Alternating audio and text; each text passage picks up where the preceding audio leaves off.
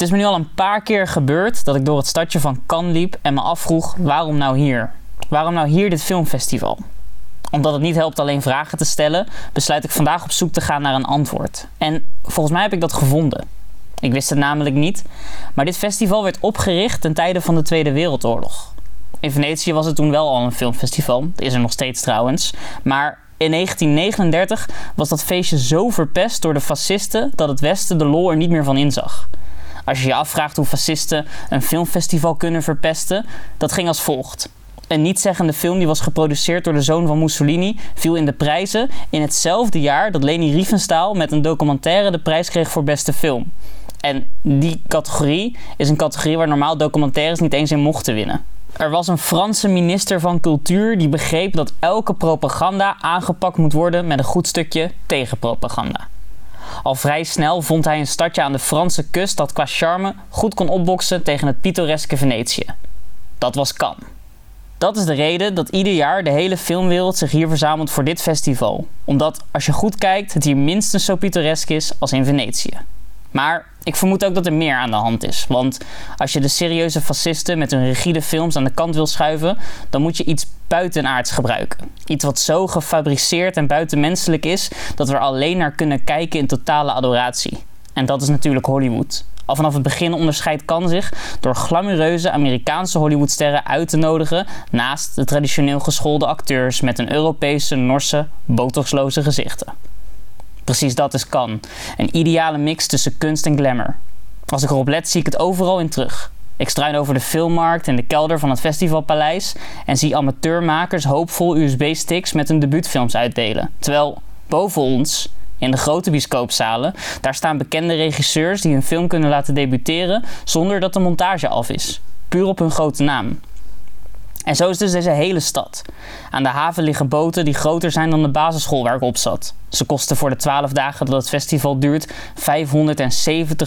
euro om te huren. Maar bovenaan de berg, daar staan visserswoningen, die momenteel als betaalbare appartementjes meerdere filmjournalisten huisvesten in stapelbedden. En daarom dus kan, omdat het vanaf de vismarkt maar 50 meter lopen is naar de caviartracteur. Omdat de limousines hier stoppen direct aan de rode loper, maar de filmjournalisten met hun huurfietsen ook overal langs mogen. En die blauwe zee hier natuurlijk, die precies zo blauw is alsof Bob Ross hem zelf heeft geschilderd. Als je dan kijkt naar Venetië, dan is het water daar toch vooral een beetje groen. Dus daarom kan.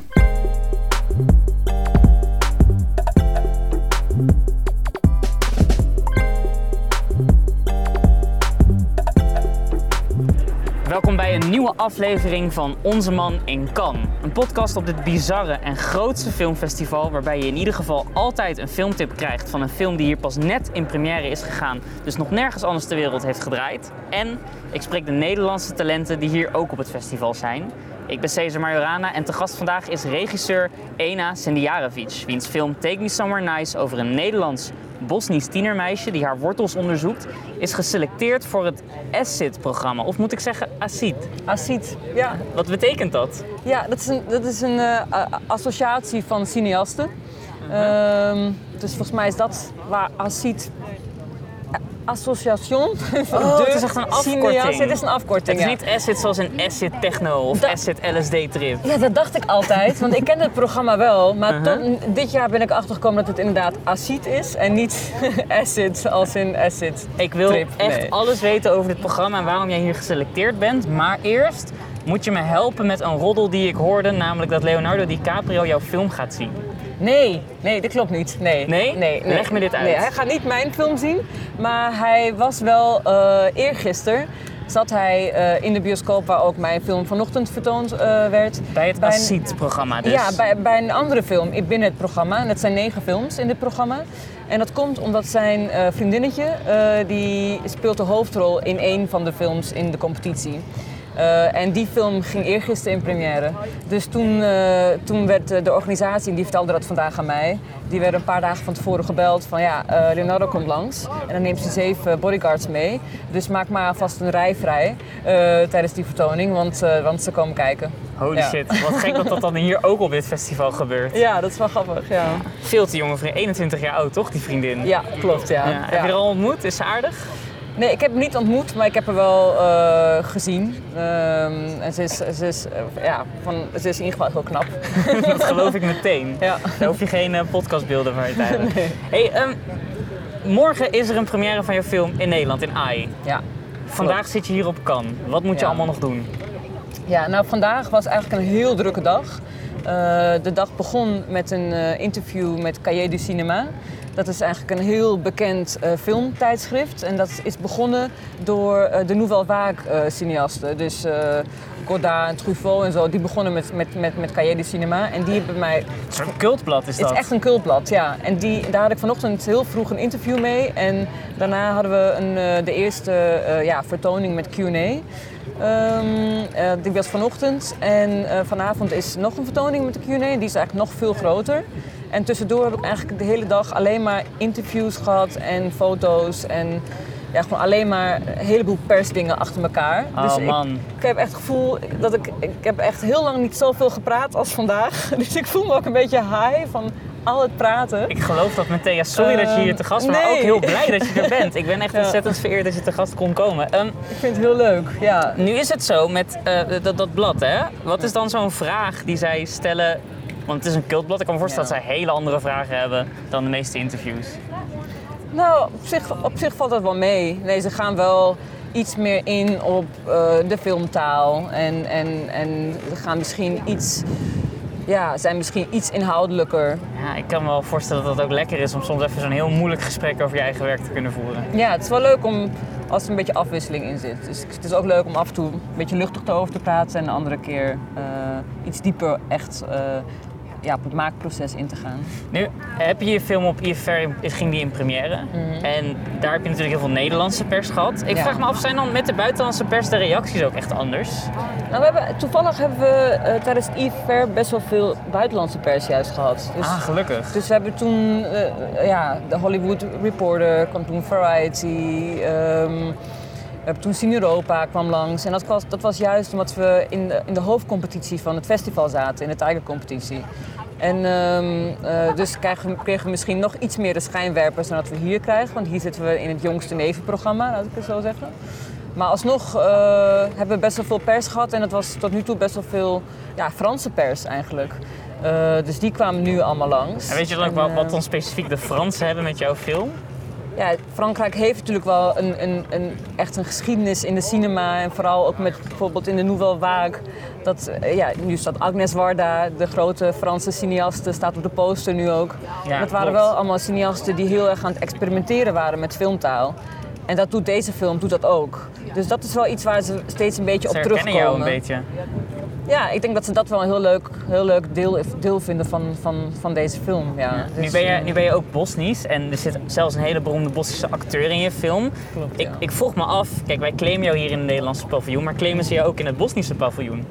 Ik weet niet of er echt een Bosnisch paviljoen is. dus, eh, dus blijkbaar is dat al het antwoord op de vraag.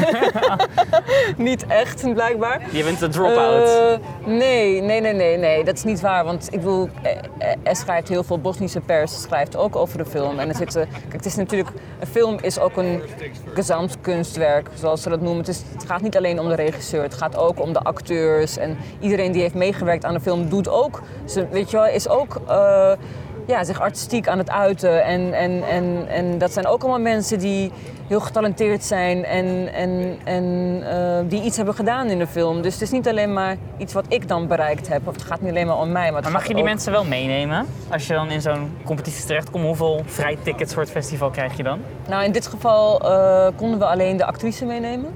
Ehm, en eh, de hoofd, hoofdrolspeelster. En was er niet genoeg ruimte om ook, ja, financieel gezien, om ook bijvoorbeeld de twee Bosnische jongens eh, hierheen te halen. Wat ik heel erg jammer vind. Maar wie er dan wel is, is bijvoorbeeld de Bosnische producenten. Eh, die, was, die is er wel bij. En ehm, ja, dus je kan helaas niet iedereen meenemen. Ik vind het wel vet om te horen dat je hoofdpersoon mee is. Wat, wat Ja, voor, jij bent hier natuurlijk ja. eerder geweest met je vorige film Import. En daarvoor begreep ik ook al dat je een keer op het festival terecht was gekomen. Dus welk advies gaf je haar dan mee als kan-expert? Ja, nou, kan expert. nee, ehm, nou wat ik, wat ik vorige keer heel erg merkte was dat... eh, kijk, ik had altijd een beetje het beeld dat het allemaal zo helemaal gelikt en gelikt aan toe gaat hier. Heel strak in elkaar zit. Met dat, ja, omdat je zoveel verwachtingen hebt van zo'n festival. En op de foto's ziet het ook allemaal heel professioneel uit. Op de foto's zie je vooral de rode lopers, de grote sterren, maar Ja. daar hoor je bijvoorbeeld niet over de ACID-competitie. Nee, precies. En, en, en dat zijn wel, ja, dat is eigenlijk wel waar, waar, waar ik dan iets meer van af weet. De bijcompetities. En daar merk je dat het er ook best wel, ja, ik wil niet zeggen amateuristisch, maar wel rommelig of zo. Het gaat ook wel rommelig aan toe. Dus je En- hebt tegen haar gezegd, bereid je voor op een rommelig festival. Ja, precies. En, en, eh, en dat was, ja, ik denk dat dat wel nu ook wel weer een beetje is gebleken van, ehm, weet ik veel, tijdens zo'n Q&A, dat, dan, dat we dan een beetje met de microfoon zitten te hannissen. Of weet je, dat soort dingen gebeuren ook de hele tijd. Dus het is niet helemaal dat het heel smooth verloopt allemaal. Ja, dat is goed om te zeggen. Dat kan niet alleen het, het, het spectaculaire gelikt is. Het is Ja. ook zo'n zijcompetitie waarin je in ieder geval wel mag shinen met je film. Dus gefeliciteerd daarmee. Ja, dank je. Ja. En nu als allerlaatste vraag, ja, ik wil het als filmliefhebber toch weten. Hoe zit het met een nieuw project? Komt er iets aan van jou? ja, zeker. Ja. Ik ben nu eigenlijk weer vol aan het schrijven ook, aan een nieuwe film. Heb je daar ook afspraken voor gehad hier in Cannes? Daar heb ik, nee, want ik ben hier echt op bliksembezoek. Omdat we juist deze week ook eh, ja, onze bioscoop uitbreng hebben. Dus ik heb zoveel evenementen in Nederland dat toen we te horen kregen van... oh, maar die première is in, precies in die week in Cannes. Want ja, we hadden gewoon nooit verwacht dat precies een dag voordat we de bioscoop uitbrengen zouden hebben... Nog even een kan grote- tussendoor. Nog even kan Nog tussendoor zou eventjes op het grootste filmfestival Ja. op aarde draaien. Ja, precies. Dus eigenlijk hebben we gewoon... Het is echt een bliksembezoek wat we doen. Ik ben er gewoon drie dagen. Ehm, dus... ehm, wat was de vraag? Sorry. Dat was helemaal geen vraag. Ik wil je vooral feliciteren Ja. en ik ben gewoon blij dat je hier bent in ieder geval eventjes. Ja, ik ben er ook heel blij mee. En leuk om jou weer hier te zien. Naar Rotterdam. Dus, eh, Maak er een goede première van Thanks. en zet hem op. Dankjewel. Dankjewel Ena. Tot gauw weer.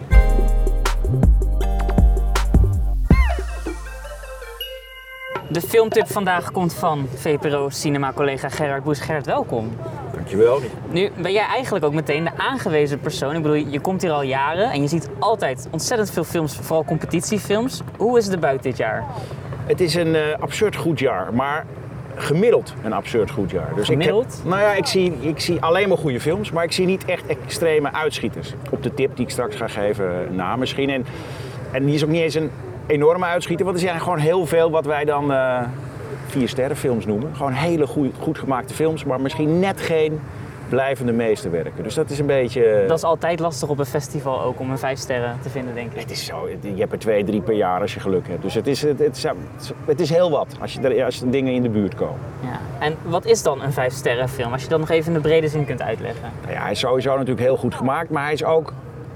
Ik ga er zelf in ieder geval anders naar buiten dan ik naar binnen ging. Of ik ben opgetild door, door, door dat wat ik visueel heb gezien, of, of wat ze me hebben laten denken, of acteren, whatever. Maar ik ben in ieder geval een klein beetje veranderd eh, ten opzichte van het moment dat ik naar binnen stootte. Kun je zo'n filmervaring noemen, hier op Cannes, die je hebt gehad?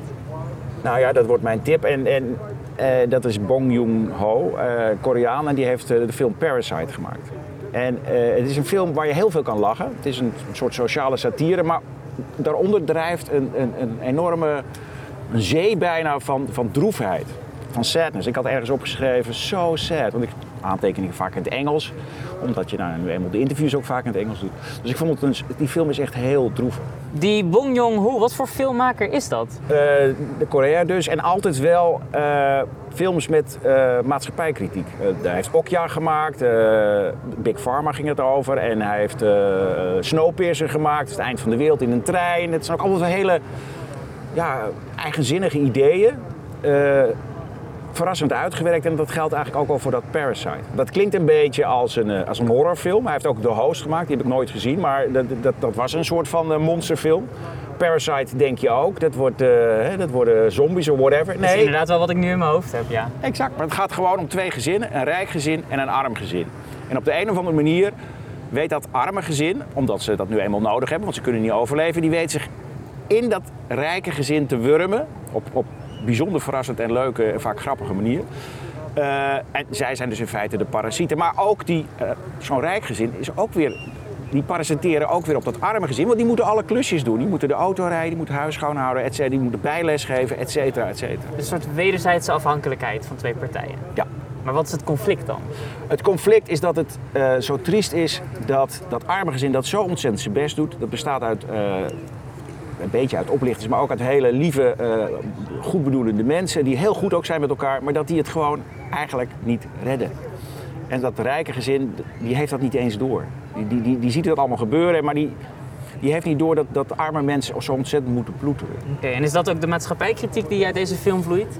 Ja, ik dat gaat heel erg over de haves en de have-nots. Ja, zeker.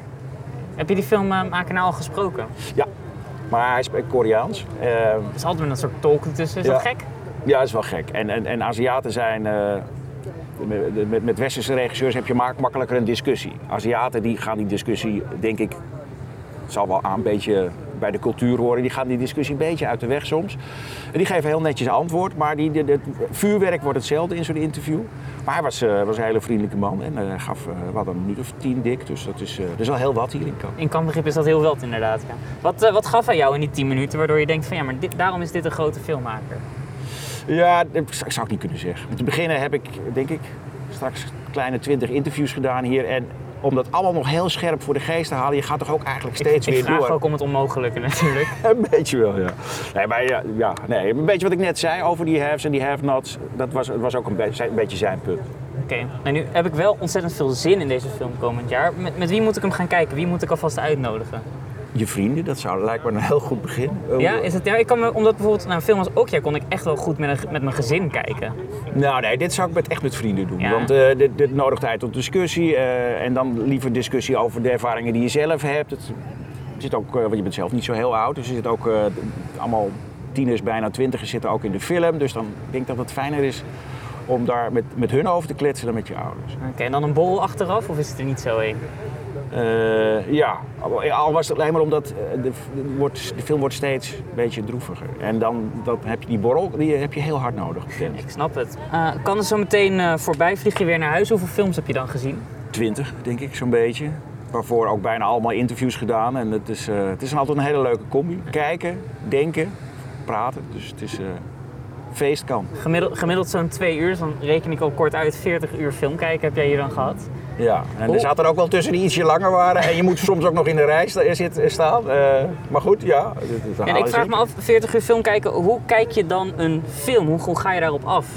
Nou, ik heb een boekje waarin ik aantekeningen maak, omdat ik weet dat als je er drie, vier op een dag ziet, dan gaan er dingen door elkaar zwemmen en dat wil je niet. Eh, en dan als je het opschrijft en je kan, kan het bijna niet te lezen, want je schrijft natuurlijk allemaal in het het donker. donker, ja. ja, dat is verschrikkelijk. Maar soms heb je aan twee, drie woorden genoeg en dan kan je die scène ook weer heel makkelijk voor de geest halen. En als je die scène, dan komt die hele film ook wel weer terug. Ah ja, dus je maakt eigenlijk een soort samenvatting, gewoon in steekwoorden. Ja, maar eh, ja. Heb je, dan, heb je dan, omdat je die woorden gebruikt, heb je dan ook een woord waar je, waarvan je zelf merkt, van, oh, die gebruik ik te vaak eigenlijk? Je, je vaste stokpaardjes. Nee. Ik zou niet weten welke. Nee, ik gebruik de woorden die op dat moment toepasselijk zijn voor de, voor, voor de film. En dat kan van alles zijn. In dit geval was het dus sadness. Schrijf ik dan op. En, en, eh, of bijvoorbeeld bij een- scène die echt heel goed gefilmd is of heel spannend is, schrijf ik dat ook even op. Dan schrijf ik bijvoorbeeld op eh, valt van de trap of zoiets dergelijks. Zodat ik in ieder geval weer weet, oh, dat was hem. Maar als iemand jouw notitieboekje vindt en er staan al die titels van kan op, dan heeft, heeft hij in ieder geval geen filmspoilers, als ik het al begrijp. Eh, jawel, ik schrijf, ik schrijf ook wel een beetje de plot op uiteindelijk. Want ik loop een beetje door die film. Dus je zou dan een spoiler kunnen hebben. Maar ze kunnen mijn handschrift nooit lezen. Daar ben ik vrij zeker van. Dus dat zit wel goed. Dat zit wel goed. Oké, dankjewel. Oké jongen, mazzel. Dank je. Je hoorde aflevering 7 van Onze Man in Cannes. Heb je een van de voorgaande afleveringen gemist, dan kan ik je zeker aanraden eens terug te luisteren. Ik heb inmiddels heel veel te gekke gasten mogen ontvangen op dit festival.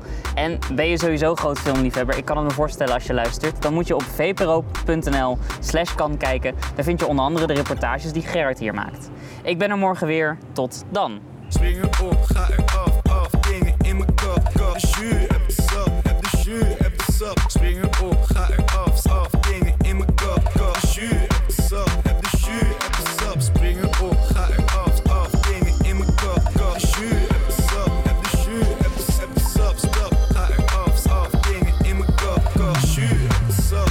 eraf, af, dingen